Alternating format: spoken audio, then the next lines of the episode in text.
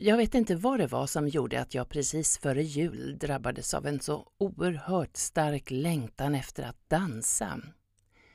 Kanske såddes fröet redan tidigare under hösten då en god vän var i Göteborg för VS kongress och frågade om jag ville komma med på festen där en tydligen erkänt bra DJ skulle stå för musiken. Jag hade just kommit hem från en resa, var trött och hade sett fram emot en kväll ensam hemma. Men kom fram till att det var värt besväret. Det var ju så länge sedan jag dansade.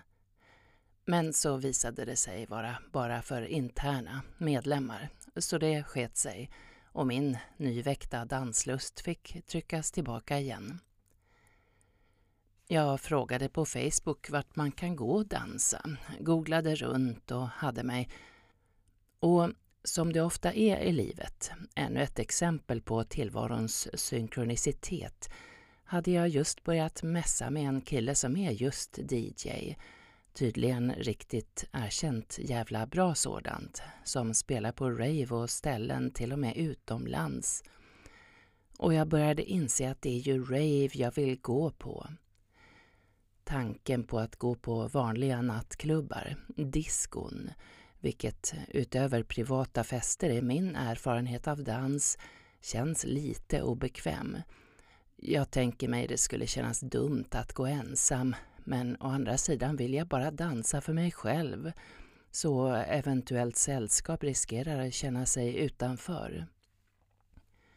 Jag mässade min mans brorsas dotter artister som jag vet gått på rave.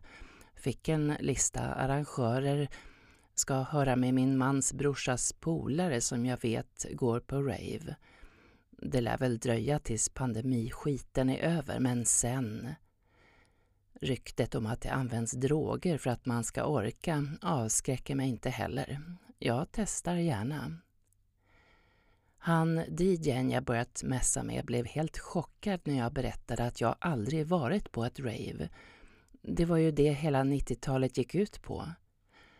Och för första gången på länge, eller någonsin, kände jag att mitt liv är förfelat. När jag började gå ut umgicks jag helst med ett grabbgäng som definitivt inte dansade man satt och drack vino tinto hos någon och gick sedan ut och drack öl. Möjligen någon konsert. Sen träffade jag min man som absolut inte heller dansar. Det är bara på alltför glesa fester som jag fått tillfälle. Ett par veckor före jul upptäckte jag att det skulle vara sån där gratis dans på den timme som andra kallar lunch jag satte väckarklockan och kom iväg på detta lunchbeat där jag dansade järnet mellan 12 och 13. Ingen reguljär träningsform hade fått mig att köra så hårt så länge. Underbart. Ös. Trodde jag skulle vakna med träningsverk dagen efter tog dansandet, men nej. Det känns att jag använt kroppen. Skönt. Jag tänker att dans, alltså fri, luststyrd, icke regelstyrd sådan, måste vara bästa träningen.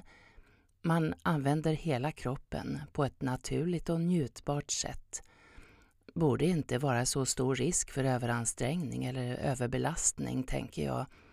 Till skillnad från klassisk ballett, som tycks vara rena tortyrmetoden med tanke på hur de stackars dansarna skadas. Och så lät mig Facebooks snokande algoritmer veta att en dansstudio i Mölndal erbjöd gratis prova på-lektioner under ett par veckor i januari. Jag kom iväg på en i hiphop-dans för 30 plus, mest för att få tillfälle att dansa. Jag blir så hämmad av steg som ska vara på ett speciellt sätt.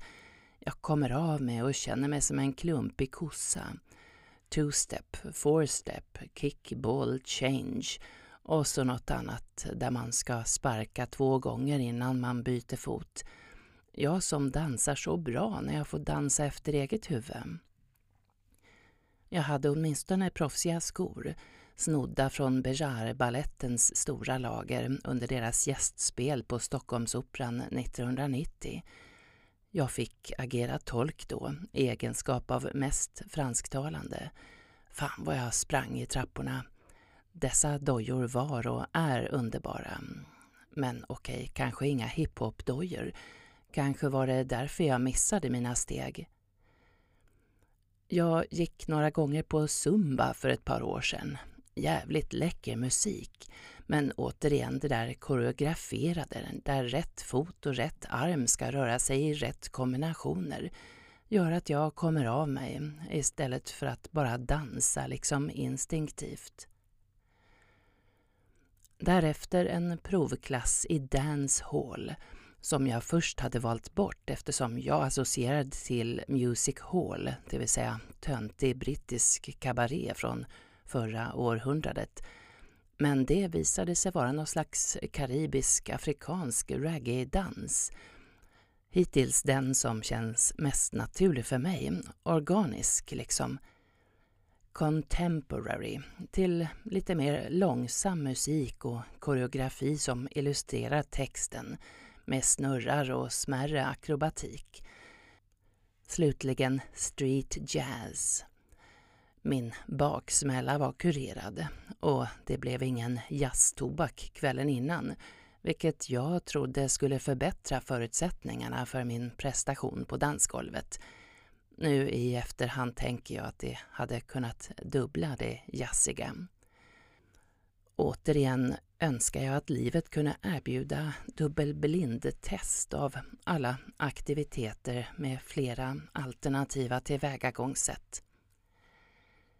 Ja, nu har jag åtminstone gett dansskolornas koreograferade dansstilar en chans, vilket jag trots allt tycker mig kunna påstå efter dessa fyra provklasser.